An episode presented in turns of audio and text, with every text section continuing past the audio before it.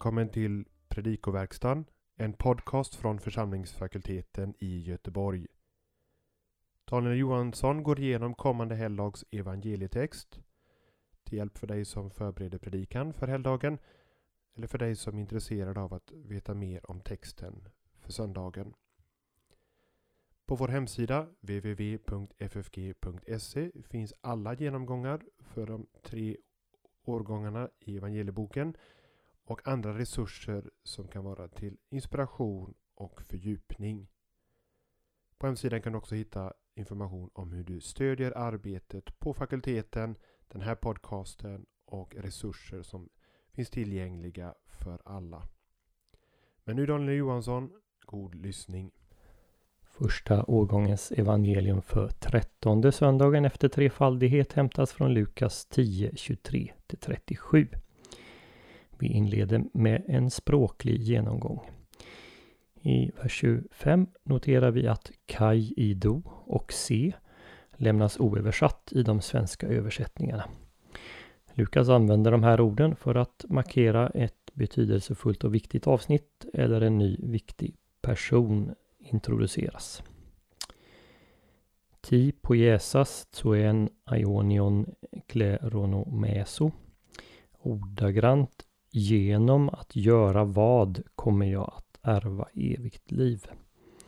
Aoristparticipet Jesas eh, uttrycker medel. Eh, notera att verbet eh, kleronomeso kan vara både futurum och aorist konjunktiv och båda passar i sammanhanget. Man kan också notera att precis samma fråga ställs i Lukas 18.18 18, då av den rike ynglingen. Vers 26 Pås anaginoskais översätts Hur läser du? Eller Hur reciterar du? En del ser här en anspelning på att man två gånger om dagen reciterade Shema i synagogan. Formuleringen antyder också att den lagkunnige var läskunnig. Vers 27 Agape sägs Kyrion, du ska älska Herren. Här har vi ett exempel på hur futurum används för att uttrycka påbud. I vers 29 översätter de svenska översättningarna inte Thelon dikaiosai likadant. Bibel 2000 ville visa att han var rättfärdig. Folkbibeln 98 ville försvara sig och Folkbibeln 15 ville rättfärdiga sig. Den senare översättningen översätter ordagrant ord för ord. I sak verkar de tre översättningarna uttrycka samma sak, nämligen att mannen ansåg sig vara rättfärdig. I kommentarlitteraturen föreligger faktiskt tre olika förståelser. Den första att mannen ville försvara hur han hittills hade levt sitt liv. Och Det ligger närmast till hans att förstå de svenska översättningarna så. Eh, den an det andra alternativet är att mannen ville korrigera det han hittills negligerat. Men mannen som ville göra sig rättfärdig sade. Och det tredje alternativet är att mannen ville ha ett förtydligande så att han själv blev klar med vad han stod, att han var rättfärdig. Här får man väl till svenska översätta på samma sätt som i fall 2. I vers 30 det inleder Lukas med hypolabon. Det är ett ganska ovanligt ord i NT, finns bara hos Lukas. Desto vanligare i Septuaginta. Betydelsen är att man ger en replik. Jesu replikerade och sade. I samma vers är adjektivet hemithane, halvdöd, ett så kallat hapax legomenon. Det förekommer bara här i Nya Testamentet. Och samma sak gäller också i nästa vers, katasynkyrian, av en händelse. Det är också ett hapax. I samma vers behöver vi också lägga verke till verbet antiparelsen. Innebörden är inte bara att gå förbi utan att gå förbi på andra sidan. Vers 33 Hodevon elthen kat.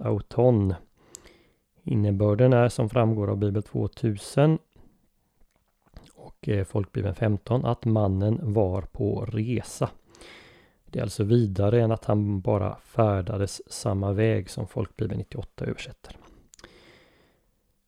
Eh, notera också att grekiskan här är explicit med att samariten kommer till mannen. Det här framgår tyvärr vare sig av Bibel 2000 och Folkbibeln.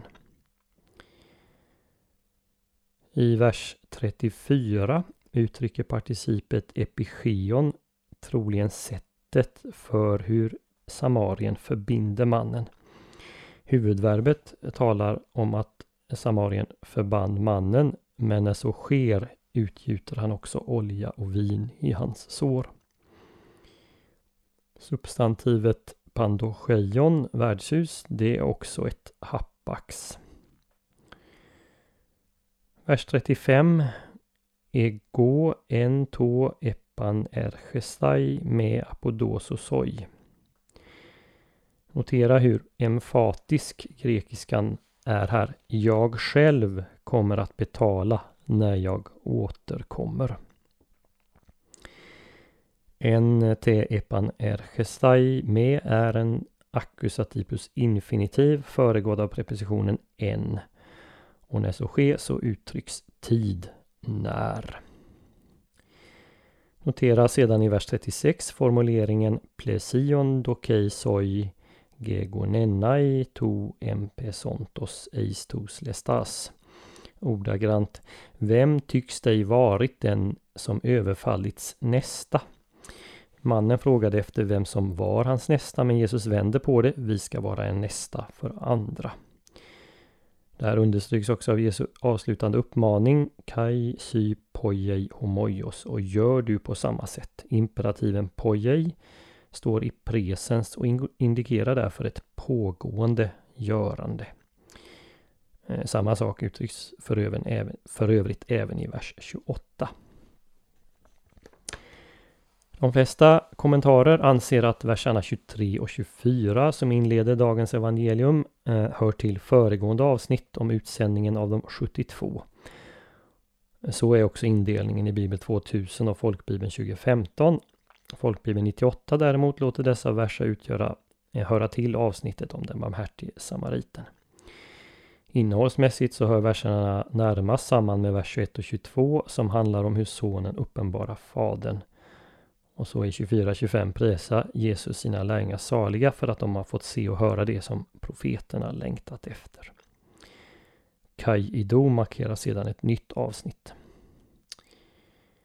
Här i evangelieläsningen så verkar verserna ha en sådan funktion att de balanserar görandet i berättelsen om den barmhärtige samariten. För lärjungarna förklaras saliga eh, därför att de ser och därför att de hör Jesus. Så ett balanserande mellan hörandet och görandet.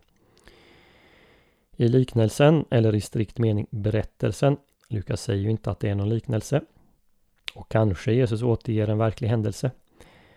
I liknelsen ligger hela tyngdpunkten på samariten. Verserna 30 till 33 har 56 ord eh, medan verserna 34 och 35 som beskriver vad det samariten gör använder nästan lika många ord, 50 ord. Och sen har vers 36 13 ord. Eh, vi skulle kunna göra följande indelning av vår textläsning. Först så har vi en saligprisning i 23 och 24. Eh, sedan en andra del där frågan ställs hur man ärver evigt liv. Och den tredje eh, förlåt, det är verserna 25 till 28 och så tredje delen kallelsen att vara nästa genom samaritens exempel. Verserna 29 till 37. Vi kan också lägga märke till när vi nu ser på strukturen att berättelsen om de, hur de tre männen närmar sig eh, den slagna har en intressant progression. Prästen står det att han går ner längs vägen.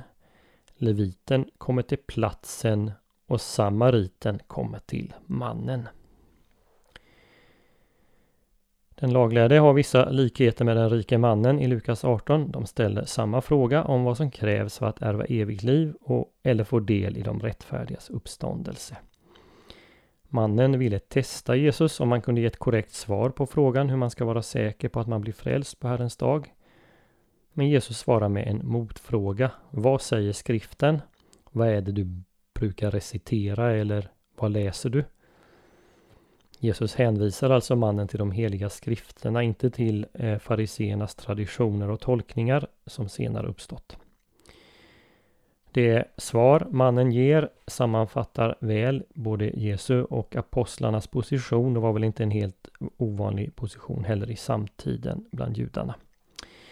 Eh, den här märker vi på flera ställen i Nya Testamentet. Man kan se på till exempel Kolosserbrevet 1, 3-5 och hur Jesus sammanfattar det hela i Matteus 5, 43, 19, 19 eller Paulus i Romarbrevet 13, 9, Galaterbrevet 5, 14.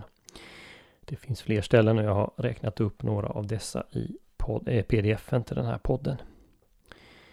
Eh, mannen hänvisar alltså till det dubbla kärleksbudet om att älska Gud av hela ens väsen, femte Mosebok 6.5 och att älska sin nästa som sig själv, tredje Mosebok 19.18. Men mannens, mannen eh, kommer också med en följdfråga när Jesus sagt att han har svarat rätt. Vem är då hans nästa? Hur kan jag uppge, upptäcka dessa som jag ska älska? Och Jesus svarar då med en berättelse som har många överraskande vändningar. Vägen mellan Jerusalem och Jeriko hade rykte om sig att vara farlig. Man behövde bland annat passera ett pass som finns omnämnt i Josua 1817, det så kallade Adominpasset. Sträckan mellan Jerusalem och Jeriko var cirka 27 kilometer. Man började på ungefär 800 meters höjd över havet och kom ner till 250 meter över havet. Klippor och ökenland runt omkring och gott om grottor fanns det där rövare kunde gömma sig. Jesus målar upp bilden av en man som inte bara blir rånad utan också misshandlad så till en grad att han behöver hjälp för att överleva. Så frågan blir, vem ska hjälpa honom? Först dyker upp en präst, en Guds tjänare i templet som, även om det inte explicit utsägs, troligen kommer på något riddjur, för det var det normala för präster. Men han stannar inte, han passerar. En del menar att prästen gör det därför att han inte vill riskera att bli oren i händelse av att mannen redan är död. Andra menar att det här skulle spela mindre roll då prästen ändå tycks vara på väg från templet. I vilket fall anger Jesus ingen anledning utan konstaterar bara att prästen passerar förbi. En levit vars uppgift var att assistera prästerna gör på samma sätt. Kanske han kommit efter prästen och på lite avstånd sett vad han gjort och följt hans exempel. Leviten tar sig i alla fall en titt på mannen men lämnar honom. Om inte dessa de främsta representanterna för folket tar sig an mannen, vem ska då göra det? Det är nu Jesus levererar ett överraskande svar. En man från ett annat folk, tillhörande de schismatiska samariterna, Eh, eller samarierna, som man till varje pris skulle undvika. Mannen säger Jesus är ute på en resa, så troligen var han en handelsresande. Sju verb beskriver vad mannen gör. Först så går han fram eh, till den slagne och lägger förband på hans sår. Han smörjer honom med olja och vin. Han lägger honom på sin åsna, han tar honom till ett värdshus.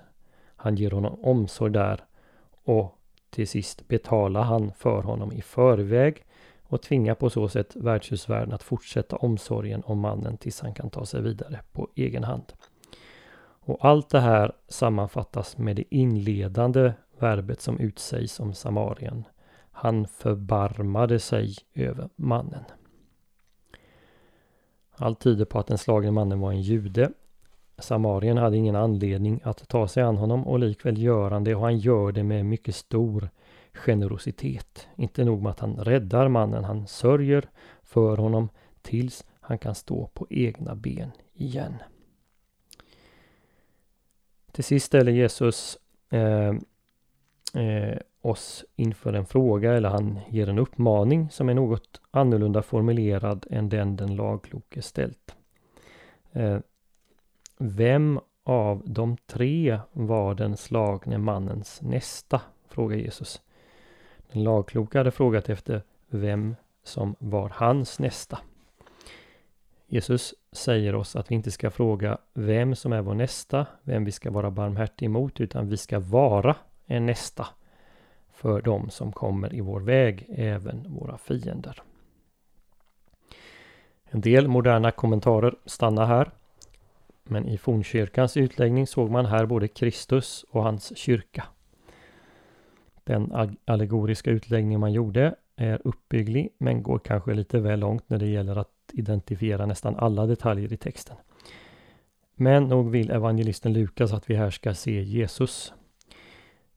Jesus är alltid subjektet för verbet förbarma sig i Lukas evangeliet förutom här i 7.13 och i 15.20 där Jesus representerar Fadern som tar sig an eh, den förlorade sonen. Man kan också notera att Jesus av sina motståndare faktiskt blev anklagad för att vara en samarier i Johannes 8.48.